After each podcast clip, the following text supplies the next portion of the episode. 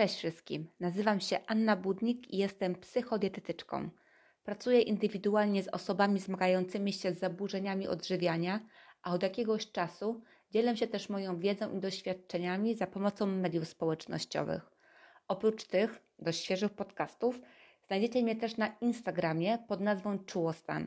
Serdecznie Was tam zapraszam, gdyż codziennie publikuję treści wspierające Was poprawieniu relacji z jedzeniem oraz walce z zaburzeniami odżywiania.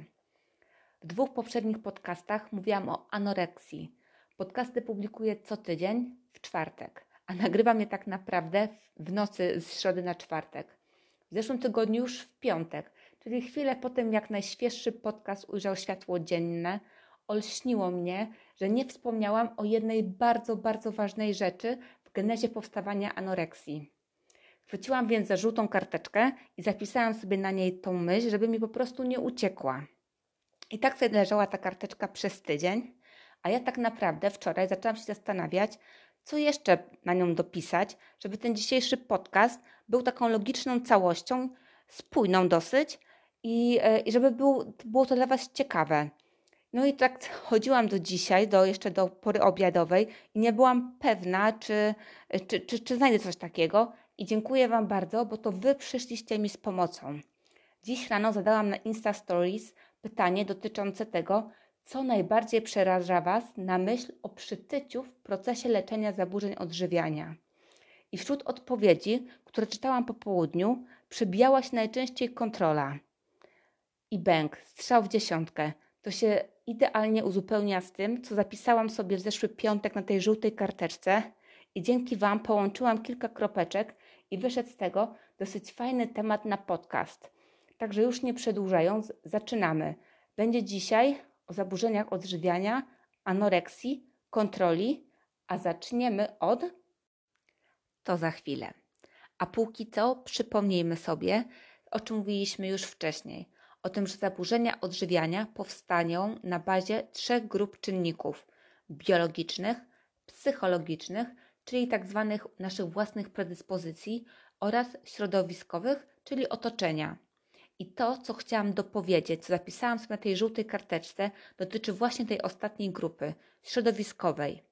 W poprzednich podcastach skupiłam się na omówieniu w niej, e, w jej ramach, kultury diety, biznesu fit, mediów społecznościowych, świata influencerów, o tym, jak to wszystko wspieramy, czasami podświadomie, poprzez nasze, zachowania zakupowe, poprzez to, co oglądamy w internecie, co lajkujemy. Czasami robimy to mm, zupełnie nieświadomie, a jednak wspieramy w ten sposób cały ten mechanizm.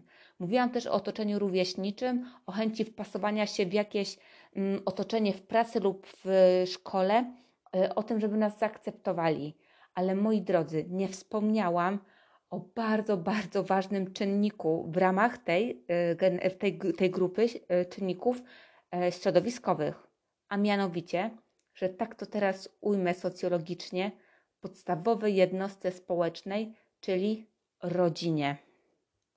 Dla mnie to pojęcie nie jest zarezerwowane tylko i wyłącznie dla stereotypów, czyli katolicko-religijnego prawnego pojmowania, więc to, co jest dobre dla ciebie, co jest dobre dla większości ludzi, nikogo nie krzywdzi, to jest ok. Ale dla tego przykładu, który chcemy sobie omówić, weźmy już, umówmy się, że bierzemy tą taką podstawową, stereotypową przykład rodziny, czyli rodzice plus rodzeństwo, a nierzadko też w Polsce dziadkowie, gdyż często zdarza się głównie w domkach jednorodzinnych, że jedno z dzieci zostaje e, w domu z rodzicami i tam też e, zakłada rodzinę, także tak naprawdę mieszkają w jednym domu dwa pokolenia. I tak, to określenie podstawowa jednostka społeczna ma sens w tym y, przypadku, gdyż tak naprawdę do pewnego wieku to rodzice, nasza najbliższa rodzina, ci, z którymi mieszkamy, mają na nas największy wpływ.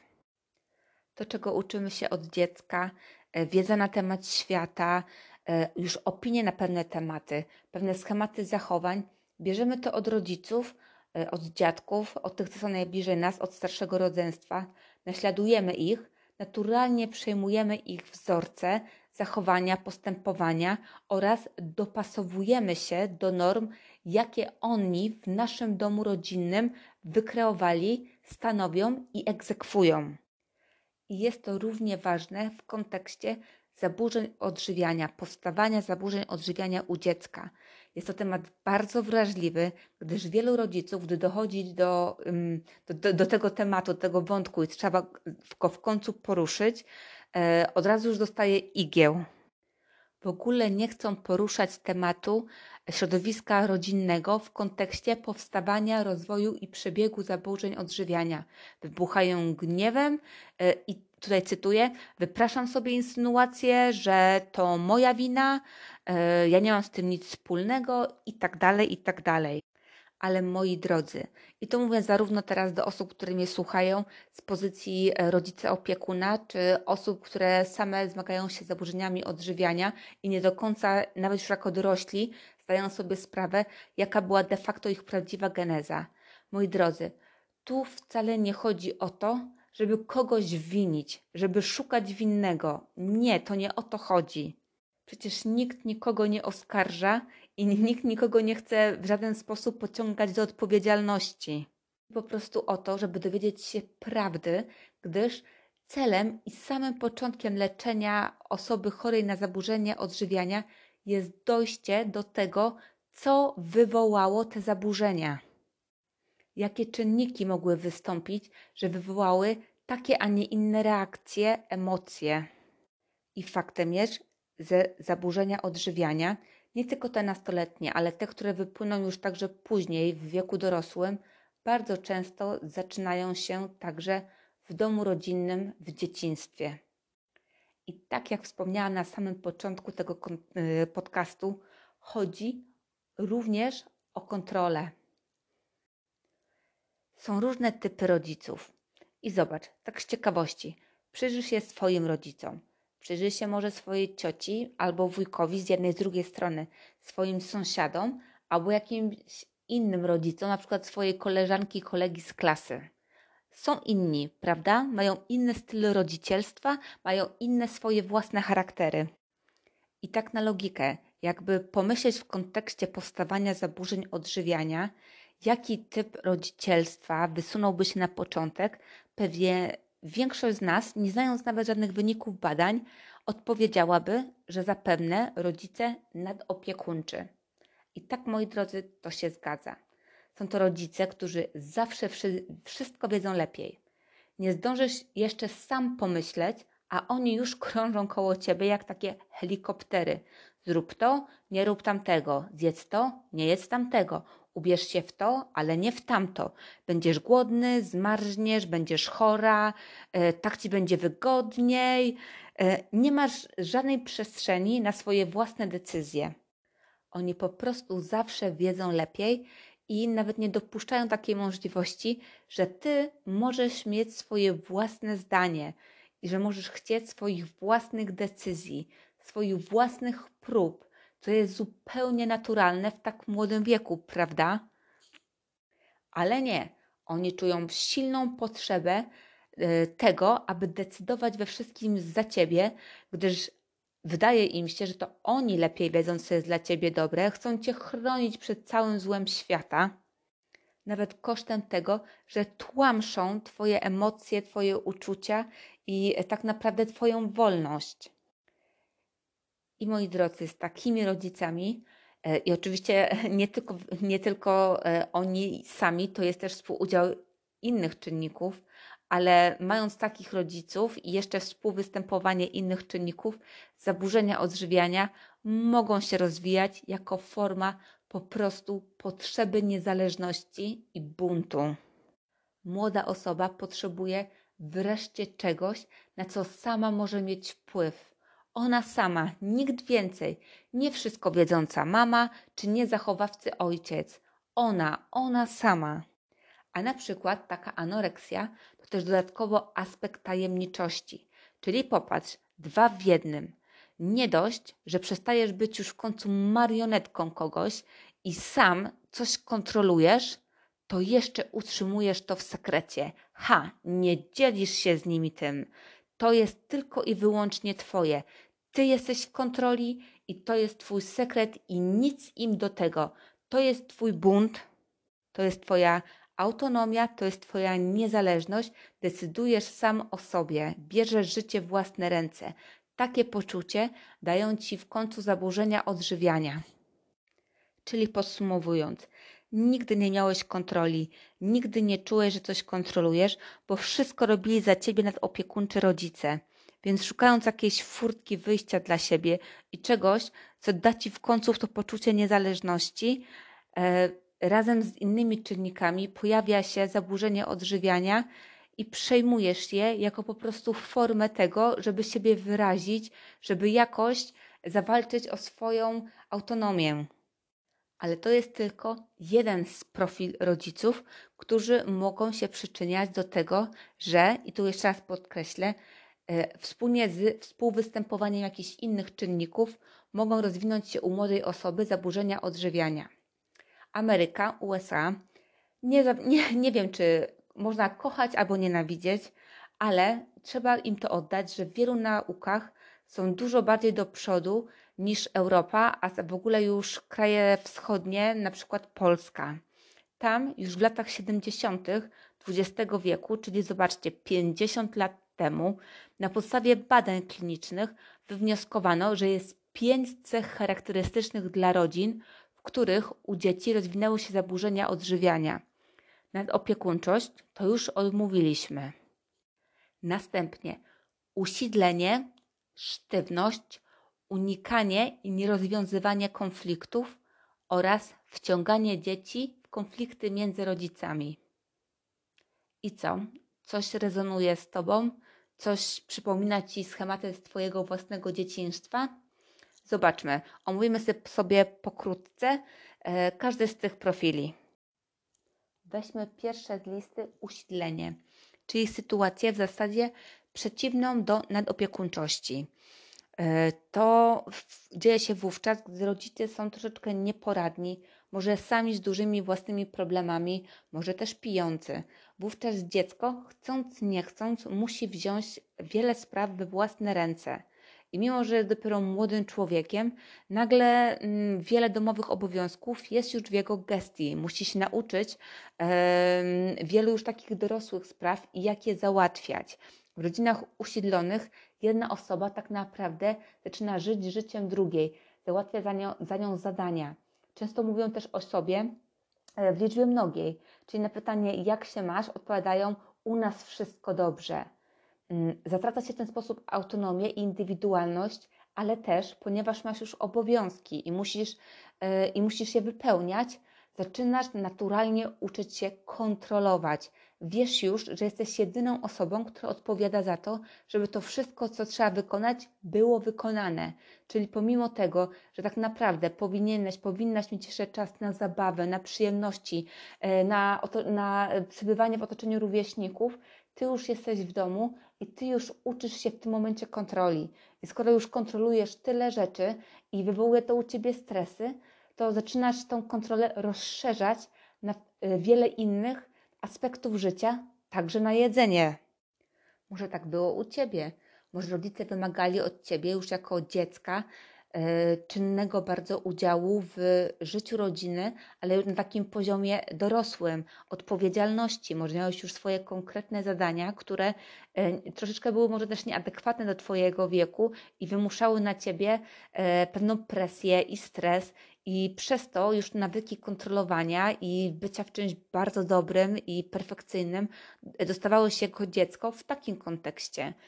Zastanów się, Natomiast y, idąc y, dalej tą listą, mamy rodziny sztywne, czyli takie, które nie lubią zmiany, gdzie rodzice są w zasadzie negatywnie nastawieni do wszystkiego, co miałoby być zmianą ich codziennej rutyny, coś, co byłoby zaburzeniem ich bezpieczeństwa i pewności.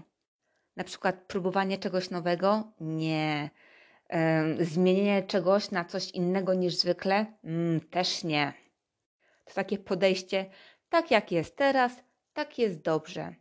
Młody człowiek może czuć się w takiej sytuacji niejako w potrzastku. No bo zobaczcie, każdy z nas jako dziecko, jako nastolatek ma wręcz po prostu potrzebę i chęć poznawania świata, odkrywania nowych bodźców, e, wychodzenia gdzieś na zewnątrz, e, próbowania czegoś. A sztywność, która taka narzucana jest nam w domu i troszeczkę zaczynamy ją przesiąkać, czy jest nam coś zabraniane ze względu na tą sztywność, to jest ogromna blokada w naszym rozwoju. E, sztywność to też coś takiego, że na przykład jak już zostanie podjęta jakaś decyzja e, dotycząca zmiany, co jest bardzo stresujące dla całej rodziny, e, to jest to tak jakby narzucane i odgórne, że mm, bardziej jest to komunikowane tobie jako coś, co trzeba wykonać i tyle. Nie jesteś traktowany równorzędnie czy pytany o twoje zdanie. Nie, to tak stresuje całą rodzinę, ale wiedzą, że musi być wykonane i musi się te, jakoś w tej ramach sztywności e, zmieścić, dlatego skoro już jednak musi się wydarzyć, to e, jest o tobie ogłaszane i masz się do tego mimo wszystko dopasować. Zostały jeszcze dwa profile rodzin. Mm, przedostatni to rodzina taka, w której jest unikanie konfliktów, czyli klasyczne zamiatanie wszystkiego pod dywan. Gdy pojawia się jakiś problem, coś niewygodnego, jest to trzymane w tajemnicy, jest tego robiony sekret. Jest to tak naprawdę e, udawanie, że to się nie wydarzyło i nie mówienie o tym na głos, tuszowanie wszelakich problemów. Więc już od dziecka jesteś przyczajony, że jeżeli coś z tobą nie gra, masz jakieś trudne emocje, coś dzieje się w szkole, nie możesz się z tego wyżalić, bo tak naprawdę nie spotkasz się ze zrozumieniem, tylko z jakimś stwierdzeniem, że e, przesadzasz, że nie wyolbrzymiajmy tego, będą z tego tylko problemy.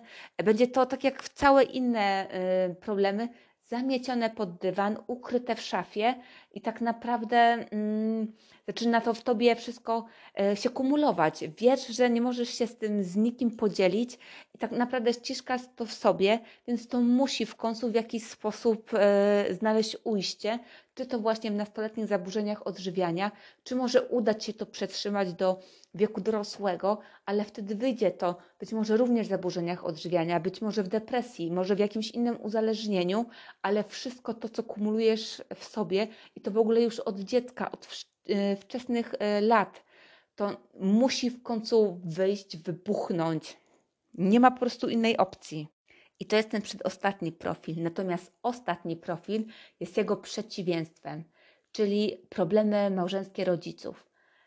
I w tym kontekście to jest wręcz wywlekanie tych konfliktów na wierzch, na górę i wykorzystywanie w nich dziecka do kłótni między rodzicami, do obwiniania, do gierek wewnętrznych.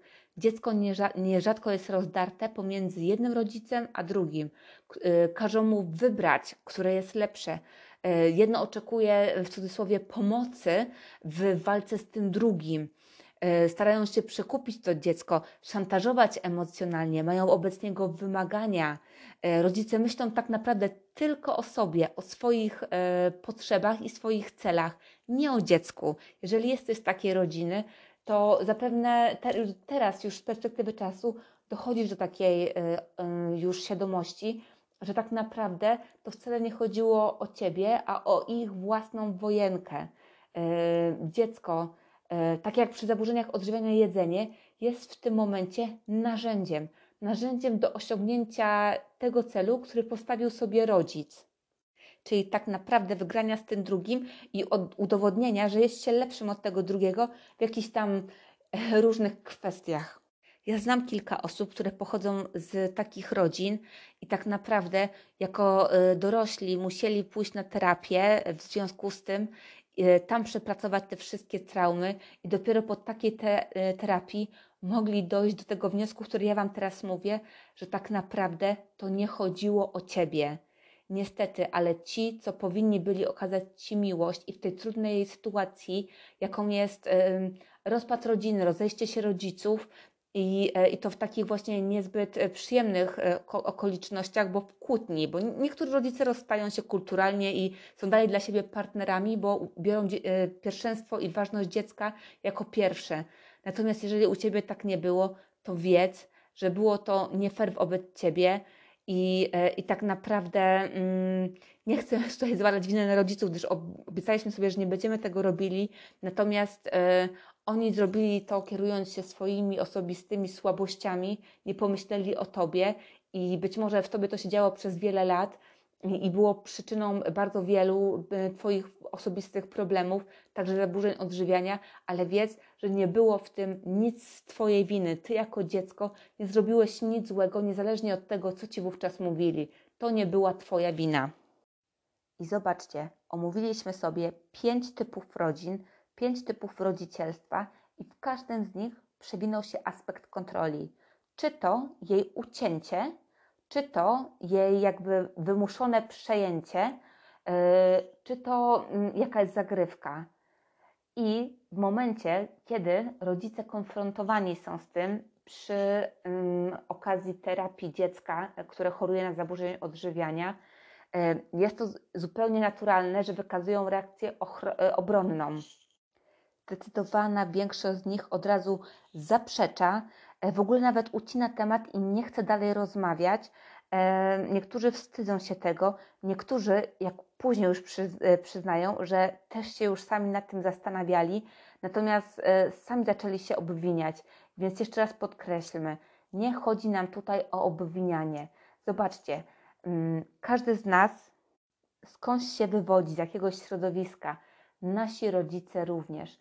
To, że na przykład E, twoi rodzice są nadopiekuńczy, a kogoś innego wręcz przeciwnie, zimni i chłodni, to skądś się wzięło. E, to, się, to zapewne powstało już z ich własnego dzieciństwa i dojrzewania. Oni e, tak reagują, tak się zachowują, gdy, gdyż coś wydarzyło się u nich i po prostu inaczej nie potrafią. Więc zobaczcie, zachęcam Was do tego, żeby zamiast obwiniania, obrażania się, unikania kontaktu. E, oczywiście ten kontakt może być później już sporadyczny, e, zaufanie ograniczone, ale mimo wszystko nie można mieć do nikogo pretensji. Trzeba umieć sobie przebaczyć, trzeba umieć iść dalej i zrozumieć, po prostu dążyć do tego, żeby zrozumieć, co się wydarzyło i tylko i wyłącznie dzięki temu, że zrozumiemy pewne mechanizmy na samym początku tych naszych problemów, będziemy mogli zacząć je leczyć, a tak naprawdę przeszłości już nie zmienimy, więc rozdrapywanie tych ran i trzymanie w sobie urazy do, y, do, do ludzi, z którymi no, nasze życie będzie się jednak wiele razy jeszcze krzyżowało, nic tutaj nie pomoże. Żeby pójść dalej, żeby zacząć y, czyścić swoją głowę i naprawiać relacje z jedzeniem, musimy też być otwarci na naprawienie relacji y, z wieloma innymi rzeczami i ludźmi w naszym życiu. Więc naprawdę raz jeszcze nie chodzi o obwinianie, nie chodzi o szukanie winnych, nie chodzi o y, jakieś konfrontacje bardzo bolesne. Chodzi po prostu o poznanie prawdy. Bo ta prawda to jest tak naprawdę nasza świadomość, a ta świadomość jest kluczem do rozwiązania tych problemów. Zobaczcie, my jesteśmy wszyscy jak, trochę jak domino. To jest taki wieloaspektowy, wielopokoleniowy schemat, gdzie po prostu wiele, wiele lat temu. Yy, Tłumaczymy to tym, że nasi dziadkowie byli mm, pokoleniem wojennym, młodszych osób powojennym, że, że, że było ciężko, że pewne schematy były przejmowane i przekazywane dalej. I zobaczcie, tak to domino leci, leci, leci i my wszyscy po prostu dostajemy z jednej strony i przewalamy się w kolejną, pochylając kolejne y, pokolenia. Ale kiedyś to musimy w końcu przerwać. I uważam, że świadomość naszych pokoleń już teraz, który aktywnie szukają pomocy i są naprawdę bardzo świadomi wielu rzeczy, że my w końcu możemy być e, tymi klockami tego domina, które będą tak silne, że pomimo tego, że dostaniemy uderzenie z jednej strony, będziemy nadal stali prosto i się nie przechylimy i nie damy, nie poślemy tego dalej naszym dzieciom, kolejnym pokoleniom i że to się w końcu wszystko przerwie. Ok, ale wróćmy do tej kontroli. E, pamiętacie to moją piramidę genezy anoreksji, a ci, którzy są tutaj po raz pierwszy i jeszcze nie wiedzą o tym mówi, to zróbcie szybko stop, wejdźcie na Instagrama, na mój profil Czułostan, zeskrolujcie troszeczkę w dół i zobaczycie piramidę genezy anoreksji. Trzy górne piętra, czyli najważniejsze czynniki to emocje, yy, domyśle, trudne, niezrozumiałe, przytłaczające, drugie, drugie pięterko od góry kontrola i pierwsze tożsamość. I tak naprawdę, e, tak jak już też mówiłam w tych wcześniejszych podcastach, to jedno wynika z drugiego. Czyli gdy jesteśmy w tych emocjach, i mm, jesteśmy nimi totalnie przygnieceni i ich nie rozumiemy i tak naprawdę już nie wiemy sami, co mamy myśleć, mamy tą potrzebę, żeby zacząć to wszystko nagle kontrolować. I tak, dla kogoś stojącego z boku, kto ma bardzo stereotypowe pojęcie o anoreksji, naturalne może się wydawać, że jak w kontekście anoreksji pada określenie kontrola, to chodzi wyłącznie o kontrolę jedzenia ilości, rodzaju, y, sytuacji, w której spożywamy jedzenie, a my już wiemy, że to guzik prawda. To znaczy nie, no trochę prawda to jest. Ja zawsze mówię w taki śmieszny sposób, częściowa prawda, połowiczna prawda, bo tak, kontrolujemy nasze jedzenie. Ale przecież nie chodzi tylko i wyłącznie o ten rodzaj kontroli. Chodzi o sam nawyk i posiadanie czegoś w garści, bo oprócz kontrolowania jedzenia dla osoby chorej to jest coś dużo, dużo więcej.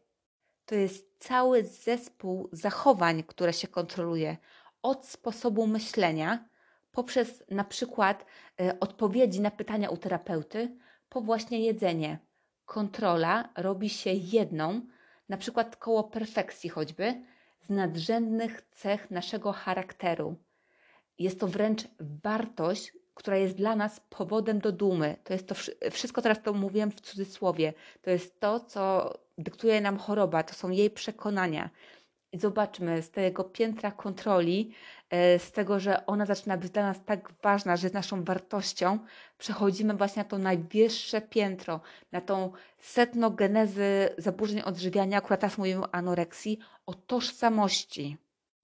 I zobaczcie, jak przeszliśmy od tego, że y, posiadaliśmy taką, a nie inną rodzinę, że w dzieciństwie takie, a nie inne bodźce dostawaliśmy, że nagle kontrola stała się częścią naszej osobowości, przynajmniej tak my to odbieramy, jest dla nas tak ważna, że nie potrafimy jej E, sobie odmówić nie potrafimy ją zażegnać, nie potrafimy jej dać mniejsze pole e, do działania niż teraz ma. Oddajemy jej wszystko, pozwalamy jej kontrolować nie tylko to, co i ile jemy, ale to, gdzie, i, gdzie wychodzimy, to ile czasu uprawiamy sport, to na jakie przyjemności sobie w życiu e, pozwalamy to, czy w ogóle na cokolwiek sobie pozwalamy, bo zaburzenia odżywiania to jest po prostu życie jak w więzieniu.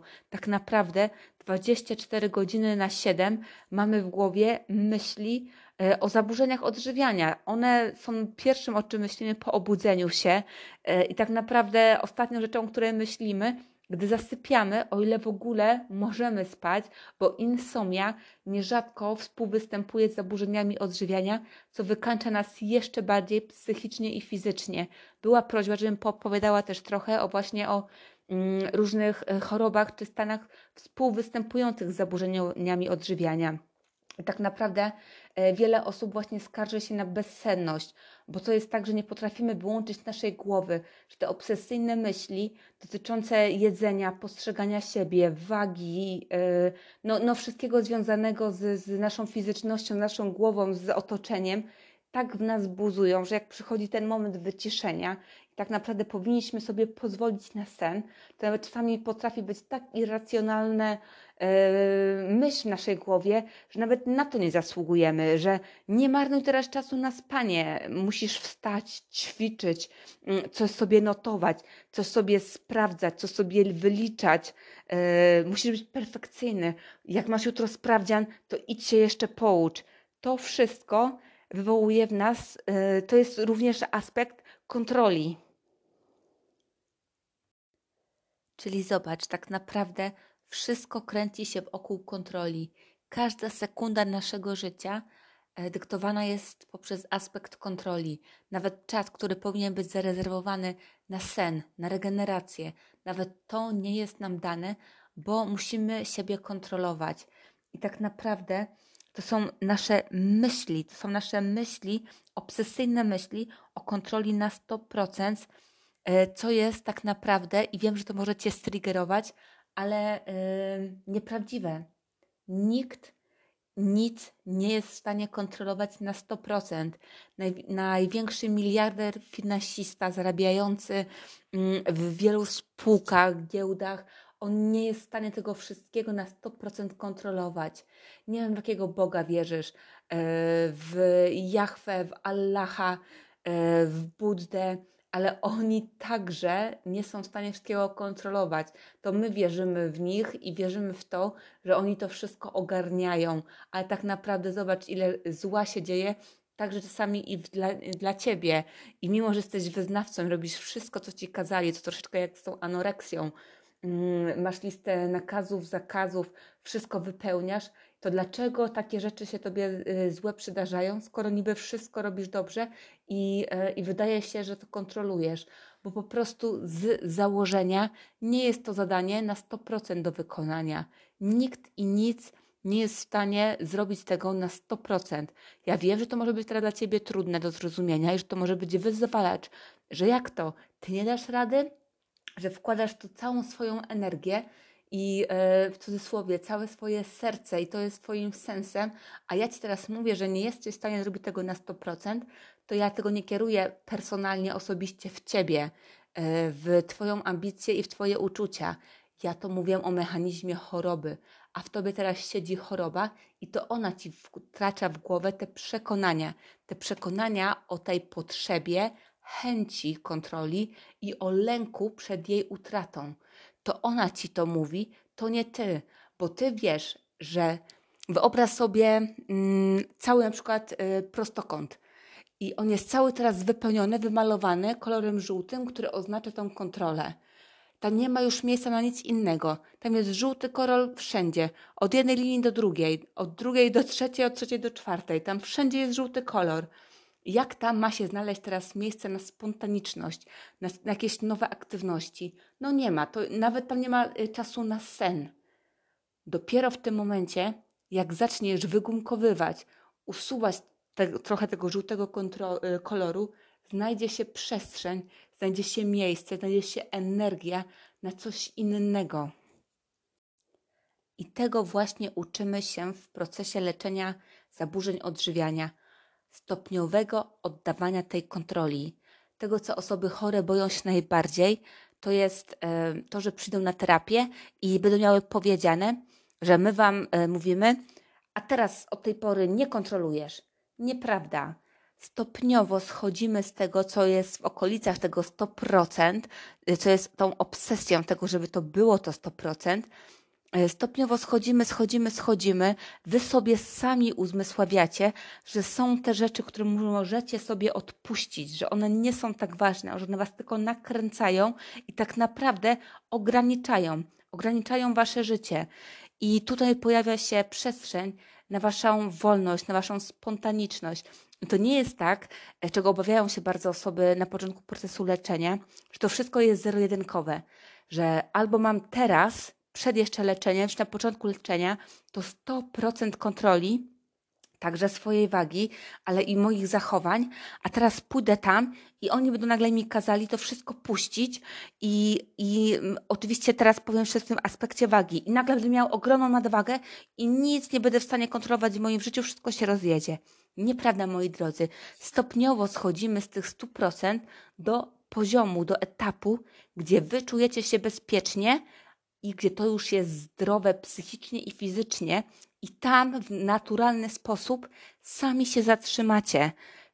Rozpoznacie ten moment, nie bójcie się tego. To nie jest tak, że całkowicie stracicie kontrolę. Będziecie świadomie schodzić z tych 100%, pięterko niżej, pięterko niżej, aż dojdziecie do naturalnego poziomu, gdzie będziecie wiedzieć, że aha, to muszę teraz zrobić, bo takie są wymogi, zwyczaje życia społecznego, moich decyzji zawodowych. Zobaczcie, ja sobie teraz wszystko olała, mieszkam w Berlinie i e, to jest duża biurokracja, świeciłabym się w połowie urzędów na czerwono, e, miałabym pe pewnie wiele problemów, niezrobione pranie, pustą lodówkę, e, i, ale tak nie jest. Wiem, że są rzeczy, które mogę sobie odpuścić, typu pranie zrobię za kilka dni i tak dalej. Są rzeczy, które muszę teraz ogarnąć yy, i, i to robię. I tak samo wy będziecie mieli. To wszystko przyjdzie naturalnie i wy sami ustalicie sobie swoje yy, granice I to nie będzie tak, że to będzie ten przymus. Osoby w procesie leczenia boją się właśnie tego, że na chwilę obecną mają ogromną potrzebę i chęć kontroli i lęk przed jej odpuszczeniem, a tak naprawdę jak się weźmiecie za ten proces leczenia i poświęcicie mu się, zaangażujecie się w 100%, to zupełnie naturalnie przyjdzie Wam e, i to nie będzie wmuszane w Was przez kogoś z terapeutów czy z osób e, z profesjonalnej opieki, z którymi współ, współpracujecie. W zupełnie naturalny sposób zaczniecie postrzegać, aha, okej, okay, to mi nie służy, tutaj temu poświęcam za dużo czasu, to sobie odpuszczam, ale na przykład to musi zostać.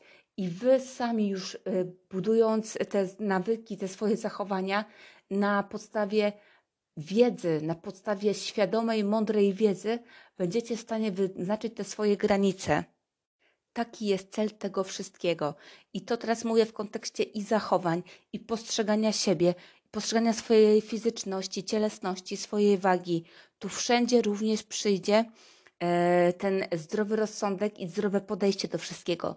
Słowem klucz jest tutaj balans. Nie 100% kontroli, ale balans, rozpoznanie tej równowagi.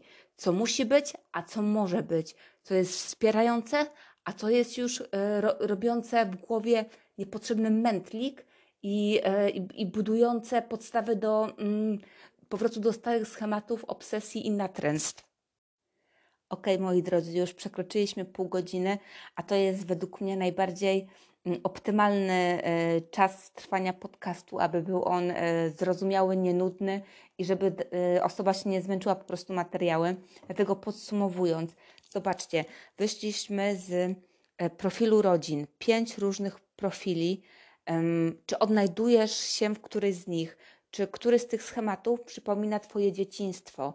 Raz jeszcze podkreślę, że bardzo, bardzo ważne jest dojście genezy zaburzeń odżywiania i e, zrobienia tam porządku, odnalezienie spokoju w tym właśnie m, danym fragmencie życia. I być może ty właśnie musisz teraz to zrobić. Wrócić do tych czasami może i bardzo przykrych, niemiłych wspomnień, do już. E, rzeczy, które czasami wydaje się, że zakopałeś głęboko, ale tak naprawdę raz na jakiś czas one powracają i są rozdrapywane. Czy wreszcie nie, nie zrobić spokoju na tym etapie życia, żeby pójść dalej i żeby tak naprawdę mieć już tą wiedzę i świadomość, skąd to się mogło wziąć i w jaki sposób do tego y, dojść. A następnie troszeczkę też się przewinęło w tym podcaście tematu kontroli. Też zastanów się, w jakich innych obszarach życia, aniżeli tylko jedzenie, jest ona u Ciebie obecna i jak ważna jest dla Ciebie na tych e, różnych płaszczyznach. I zastanów się nad tym, co mówiłam, że nie chodzi o to, żeby mieć ją na 100%, ale żeby umieć ją troszeczkę odpuścić, żeby zejść z tych prawie 100%, bo to nigdy nie będzie 100%, ty sobie tylko właśnie możesz zażyłować i jeszcze bardziej biczować bo zdajesz sobie sprawę z tego, że teraz jeszcze nie robisz na 100%, że to jest 99, ale ja ci powiem, że do tych, 9, do tych 100 nie dojdziesz, bo tam nikt nigdy nie dojdzie. Jesteśmy, nie, jesteśmy tylko ludźmi, nawet bogowie nie mają tej możliwości. I, yy, I nie chodzi mi o to, żeby teraz nagle zarzucić tą kontrolę i zero kontroli. Nie, ty masz się nauczyć odnajdywać i dwa słowa klucz: balans i równowagę. Sam znajdujesz i trzecie słowo klucz naturalne rozwiązania dla ciebie ze świadomością tego, co jest dla ciebie zdrowe, dla twojej głowy i dla twojego ciała. Yy, zaczynasz znajdować w tej kontroli balans, co jest naprawdę mm, konieczne i ważne, dlatego żebyś funkcjonował w społeczeństwie w jakiś sposób i na tym musisz się skupić i tutaj musisz poświęcić temu więcej czasu, a w co jest takie, że możesz, a wręcz powinieneś to od, puścić, żeby cieszyć się swobodnym, wolnym życiem i, yy, i żeby to życie miało dla ciebie jakiś smak, a nie było nijakie. Nawet proponuję, żebyś sobie spisał teraz na kartce wszystkie rzeczy, które w życiu kontrolujesz. Wypisz tam, nie wiem, yy, od zachowań w, nawet w związku, które masz. I zobacz, wiesz już teraz, jak to funkcjonowało w Twojej rodzinie, więc być może Ty swoim obecnym zachowaniem jesteś jak ten klocek domino, że y, okej, okay, dostałeś to, bęk w jedną stronę, ale możesz to zatrzymać i nie musisz pochylać i rzucać tego w stronę drugiego klocka, bo to domino będzie wtedy dalej, dalej leciało bądź tym klockiem tego domina. Ja wiem, że akurat może domino dla niektórych wydaje się fajną zabawą i że właśnie nie powinno się go zatrzymać, ale my tu mówimy o takim złym dominie, więc, yy, więc ono się musi zatrzymać i byłoby niesamowicie fajnie, żeby u Ciebie w rodzinie, w Twoim otoczeniu, otoczeniu, żebyś to Ty był tym klockiem, który, mimo że oberwie, będzie dalej stał sztywno i już zatrzyma tą całą falę tego domina i nie pójdzie ono już dalej i już więcej osób nie będzie się przewracało.